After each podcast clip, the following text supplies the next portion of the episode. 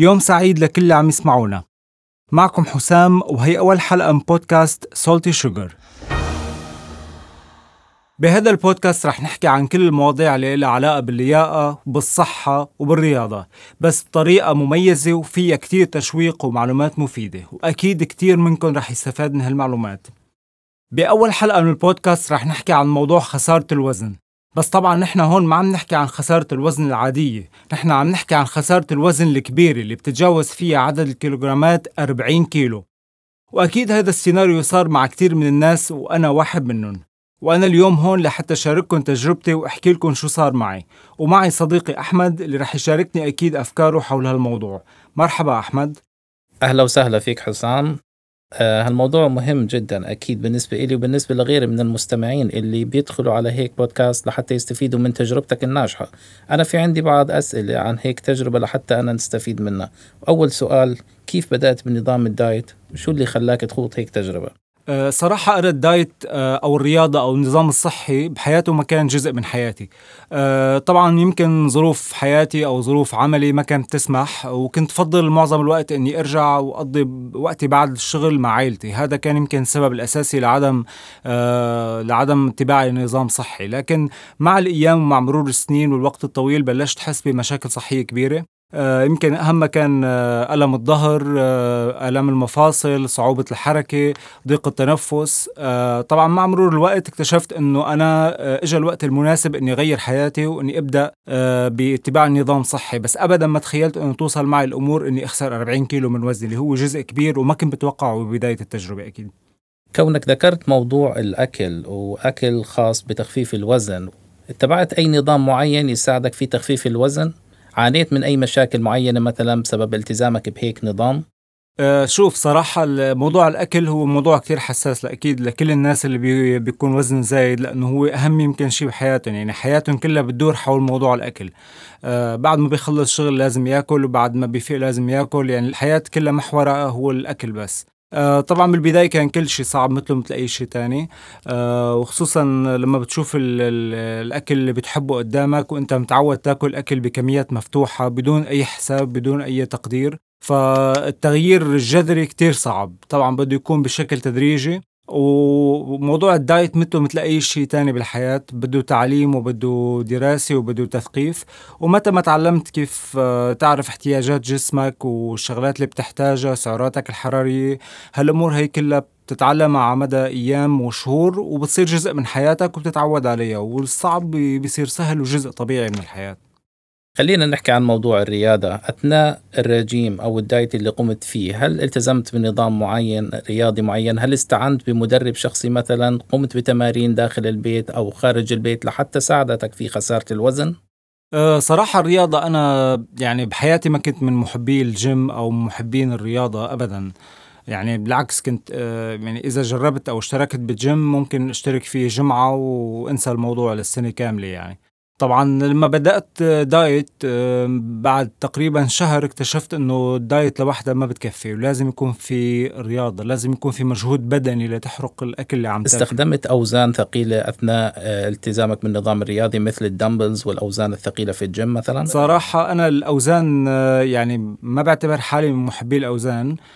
كنت بفضل تمارين ال cardio أو تمارين اللياقة اللي هي بترفع لياقة الجسم بترفع سرعة نبضات القلب وهالشي بيخليك بيخليني أنا شخصيا أحس إنه جسمي بذل مجهود كبير آه، حسنت مزاجي آه، حرقت سعرات آه، غير يومي كله وهي بداية كتير حلوة اليوم. لكن بالمستقبل أكيد رح أبدأ برفع الأوزان لزيادة الكتلة العضلية ولتحسين شكل جسمي الخارجي. كونك ذكرت إنك ملتزم بنظام أكل معين برأيك هل هالشيء سهل إنك تستمر فيه لفترة أطول أو انه يكون عندك نظام طويل مثلا خصوصا إنك أنت متزوج وزوجتك أكيد بتعمل أحلى الأكلات اللي يمكن إنها تغير رأيك في الالتزام بهذا النظام. كيف فيك تقاوم هيك أكلات؟ آه شوف هو الموضوع مقاومة الأكلات بيكون آه بس بالبداية. يعني بداية الدايت أو بداية الرجيم لأنه أنت عم تغير عاداتك الغذائية بشكل جذري 180 درجة تقريبا. فبالبداية بيكون عندك آه موضوع مقاومة الأكلات اللذيذة اللي هي الدسمة أو اللي فيها سكر كتير بتحاول تبتعد عنها تقريبا بشكل 100% بالبداية فقط. لكن بعد ما بتوصل لهدفك أو بتصير قريب من تحقيق هدفك لازم ترجع تنزل شوي شوي وتصير تاكل كل الأكلات اللي بتحبها بس باعتدال. وهذا الشيء يوم ورا يوم رح يصير جزء من حياتك ورح تصير إنسان طبيعي بتاكل كل شيء بس بكميات قليلة وبتحافظ على وزنك. والموضوع بتحول من مشكلة كبيرة كانت مقرقتك و... و... ومصعبة عليك حياتك لشيء بسيط وسهل. أوكي شكرا لك حسام. ولحتى نستفيد أكثر ونعرف رأي العلم في هذا الموضوع رح تنضم لنا خبيرة التغذية الأستاذة حنين صندقلي لجاوب عن بعض التساؤلات اللي بتجول بخاطر المستمعين.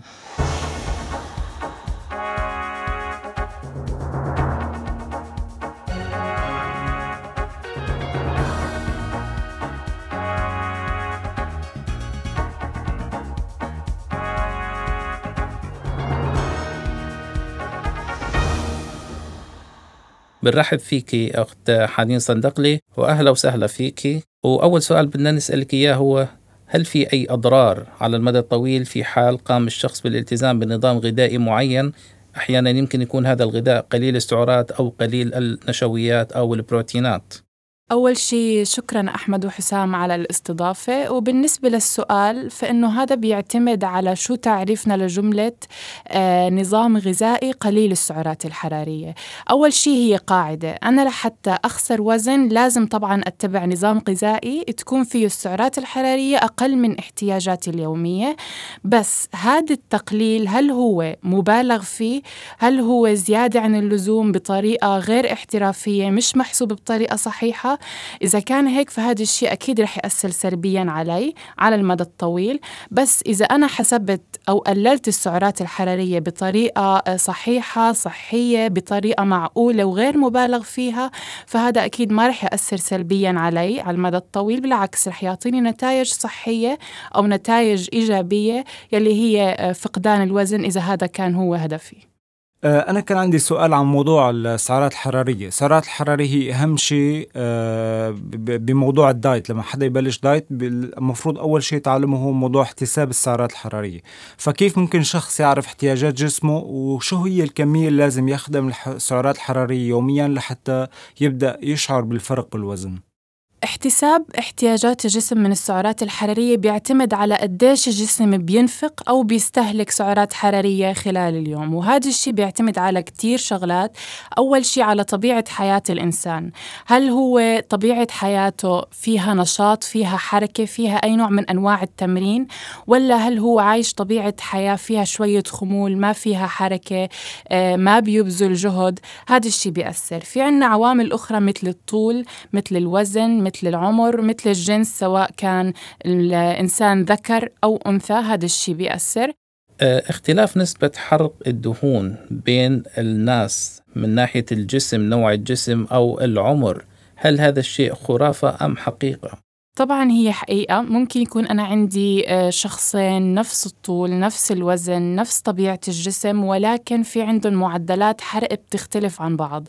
هذا أول شيء بيرجع لطبيعة جسم الإنسان. آه للجينات للوراثة كيف هو انولد. بس هل أنا بقدر أتحكم بهذا الشيء خلال حياتي؟ طبعا بقدر أتحكم فيه. أول شيء لازم الواحد يكون عايش نمط حياة فيه نشاط فيه حركة فيه رياضة. لازم أنا أحاول أبذل جهد قد ما بقدر بقدر آه، خلال يومي. لأنه طول ما أنا عم ببذل جهد كبير فبيضطر آه، جسمي يتأقلم مع طبيعة حياتي بيتأقلم مع الجهد يلي عم ببذله فبيرفع من معدل حرق السعرات الحرارية. وبهاي الطريقة أنا برفع معدل آه، الحرق عندي. وكمان بالنسبة للأعمار هو طبيعيا الواحد كل ما يكبر لأنه بيضعف جسمه وبتقل حركة الإنسان فمعدل حرق السعرات الحرارية بقل عندي. ولكن ولكن هاي مش قاعدة. أكيد في عندي كتير استثناءات. يعني مش كل حدا كبير بالعمر معدل الحرق عنده واطي ومش كل حدا صغير بالعمر معدل الحرق عنده عالي. بيختلف.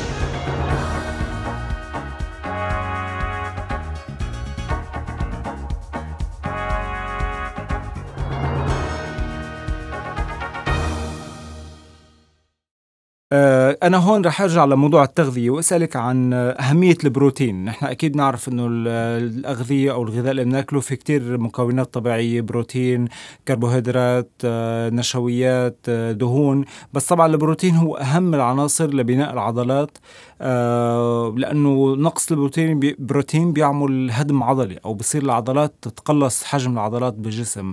فشو صحة الكلام هذا وشو أهمية البروتين بالدايت خاصة؟ طبعا البروتين جدا مهم لبناء العضلات. آه لهيك أنا لما أمشي على دايت أو نظام غذائي لازم أكون منتبهة وأتأكد إني عم باخد كمية كافية من البروتين لحتى أتأكد إني ما أخسر عضلات وما يصير في عندي الهضم العضلي لأنه هذا هذا الشيء جدا مضر لأنه بسبب تعب البني آدم وهذا بالأخير مش هدفي أصلا من النظام الغذائي أو من الدايت. مش هدفي إني أخسر عضلات هدفي إني أخسر دهون. لهيك الواحد لازم يمشي على نظام غذائي بطريقة صحيحة. ونحن دائما لما نسمع كلمة عضلات على طول بس بيروح بالنا للبروتين بس هو مش بس البروتين مهم للعضلات كمان في عندنا الكربوهيدرات جدا مهمة للبروتين. صح وحدة بناء البروتين هي العضل سوري وحدة بناء العضلات هي البروتين ولكن الكربوهيدرات كمان جدا مهمة للبروتين لأنه هي بتمثل مصدر غذاء للبروتين بتتخزن جو... مصدر غذاء للعضلات بتتخزن جوا العضلات وبتقويها وبتغذيها طول الوقت. لهيك ليكون في عندي عضلات صحية وسليمة لازم أخذ كمية كافية من البروتين وكمية كافية من الكربوهيدرات كمان. أنا عن نفسي عندي مشكلة الأكل العاطفي. بتعرف الواحد لما يكون عنده آه، مزاجه مش سعيد أو يكون تعيس شوي يمكن إنه يهرب من الواقع ويروح على الأكل. هي المشكلة بتصير عندي. حتى لما أكون سعيد في غاية السعادة مثلا أول شيء بلجأ له هو الحلويات. فهذا هذا الشيء يمكن أنه يكون صعب بالنسبة لي ويساعدني في زيادة الوزن، كيف فينا نسيطر على هذا الموضوع اللي هو موضوع الأكل العاطفي؟ أول شيء الأكل العاطفي هي مشكلة بتواجه كتير ناس ممكن نحلها بأكثر من طريقة. أول شيء هو إني أنا ما أخلي هاي الحلويات أو السناكس اللي فيها سعرات حرارية عالية ما أخليها دائما متوفرة عندي بالبيت ما أخليها دائما قدام عيني لأنه طالما هي دائما قدام عيني رح أضلني رايحة جاي ورح أضلني عم بستهلكها بشكل كتير كبير بدون ما أحس. هاي أول شيء. تاني شيء الواحد ممكن يشغل حاله بأي أنشطة تانية أو أي يعمل أي هواية بحبها. هي طاقة ولازم الواحد يفرغها. فأنا بحاول أفرغها بطريقة تانية غير الأكل. يعني ممكن أمشي أركض أكتب أرسم أعمل أي شيء أتفرج على التلفزيون أتصل بأهلي أحكي مع أي حدا أحاول ألهي حالي وأشغل حالي بشيء تاني غير الأكل. وإذا عن جد حسيت حالي لازم أكل ممكن أبدل هاي السناكس أو الحلويات يلي فيها سعرات حرارية عالية. بسناكس آه، فيها سعرات حرارية أقل وصحية أكثر مثلا ممكن عندي الفواكه المكسرات البشار يعتبر سناك صحي آه، فيه ألياف مفيدة لإلنا. وآخر شيء ممكن أبدل الشوكولاتة اللي بيكون فيها سعرات حرارية عالية بشوكولاتة داكنة أو غامقة آه، هي تعتبر بديل صحي للشوكولاتة العادية. آه عندي سؤال كمان عن موضوع الشغلات اللي بتساعد الشخص اللي عم يتبع الدايت. شو في شغلات بتساعده أو شغلات مكملة تساعده لخسارة الوزن؟ أنا بعرف مثلا النوم الكافي أو الماء آه هو يعني هني شغلتين مهمين جدا لكل, لكل شخص عم يعمل دايت. فإذا بتحكي لنا شوي عن الموضوع وبتحكي لنا شو خطورة نقص هدول المكونين بالجسم للشخص اللي عم يعمل دايت. طبعا النوم وشرب المي شغلتين كتير مهمين لموضوع الوزن لأنه بيأثروا بطريقة مباشرة وبطريقة كتير كبيرة على الوزن سواء كان آه، من خلال فقدان الوزن أو اكتساب الوزن. أول شيء بالنسبة لموضوع النوم الواحد لازم يتأكد أنه عم بينام بطريقة كافية لحتى يريح جسمه ولحتى جسمه يقدر اليوم الثاني أنه يبذل جهد ويقدر أنه يقوم بحرق السعرات الحرارية بطريقة فعالة. وكمان في دراسة أثبتت أنه إحنا في عنا نوعين من أنواع هرمونات بجسمنا في عنا هرمون بزود الإحساس بالشبع عند البني آدم وفي عنا هرمون بزود الإحساس بالجوع عند البني آدم. فبالليل لما الواحد ما ياخذ آه، فترة نوم كافية الهرمون المسؤول عن الإحساس بالجوع بزيد والهرمون المسؤول عن الإحساس بالشبع بينقص.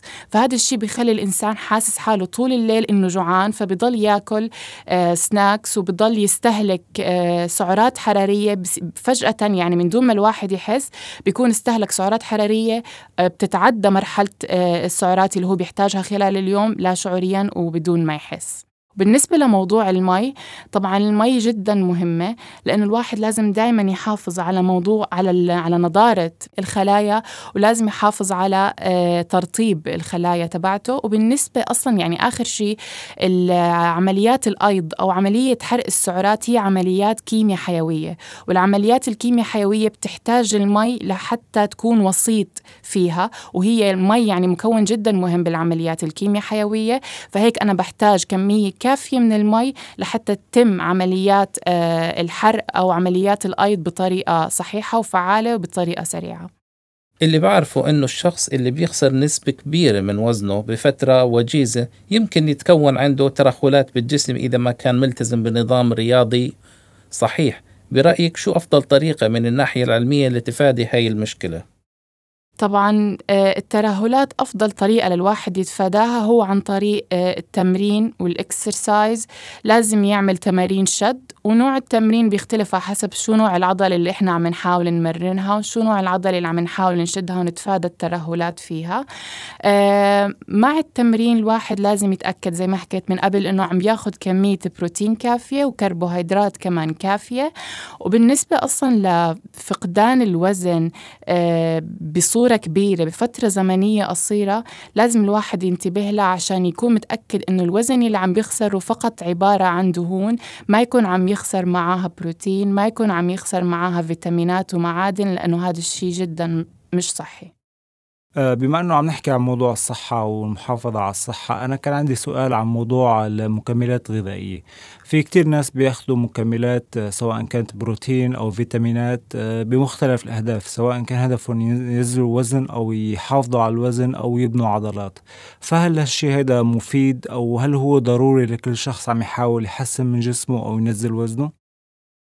أول شيء الواحد لما يكون عم بيحاول آه، يبني عضل أو يعمل رياضة آه، مكملات البروتين هاي أكيد ما إلها داعي أبدا. الواحد بيقدر بكل سهولة إذا أخذ الكمية الكافية اللي بيحتاجها من البروتين بيقدر ياخدها من الأكل فقط. ما بيحتاج أي مكملات أي أدوية لحتى يزود نسبة البروتين. ولازم ننتبه على شغلة كتير مهمة إنه إذا إحنا أخذنا مكملات بروتين زيادة عن اللزوم هذا بالأخير بيأثر على الكلية بشكل سلبي فإحنا لازم ننتبه كتير على هذا الموضوع.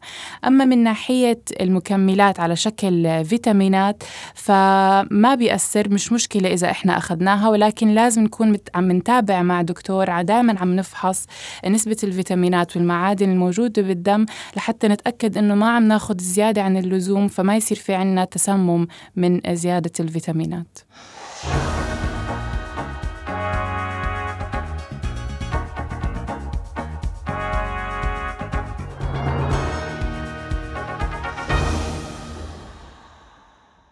أخيرا شو بتحب تقدمي نصائح لكل اللي عم يسمعنا أو لكل اللي حابب يبلش حابب يبلش رحلة آه، خسارة وزن وعم يخطط إنه يخسر وزن كبير؟ آه، هل ممكن هالشيء يبلش بالأكل ولا بالنظام الصحي ولا بالرياضة ولا بكل شيء مع بعض؟ أول شيء آه، خسارة الوزن هي فعلا رحلة بدها أكيد إرادة بدها تصميم بدها صبر آه، لأنه هي مش شغلة سهلة ولكنها مش مستحيلة بنفس الوقت أكيد بتحتاج وقت آه، أفضل شيء إن الواحد يبلش بالشغلتين بالنظام الغذائي الصحي وكمان برياضة بنفس الوقت لأنه الرياضة بتعزز من فقدان الوزن وبتسهل هاي العملية. والأهم من هذا كله هو الاستمرارية. الواحد لازم يستمر بموضوع آه الدايت والرياضة آه ما يخسر كيلو كيليين بعدين يزهق ويبطل ويرجع لنظام حياته الغلط آه من أول وجديد ويرجع يكسب تقريبا عشر أضعاف أو أكثر الوزن يلي خسره. ليك الواحد لازم يكون في عنده آه، صبر وإصرار لازم يحط هدف قدامه ويعمل كل شيء لحتى يحققه لأنه بالنهاية آه، صحتنا هي أهم شيء وهذا كان كل شيء بحلقتنا الأولى من بودكاست سولتي شوغر. وأكيد مكملين بحلقات جديدة ومواضيع مختلفة وشيقة. إلى اللقاء.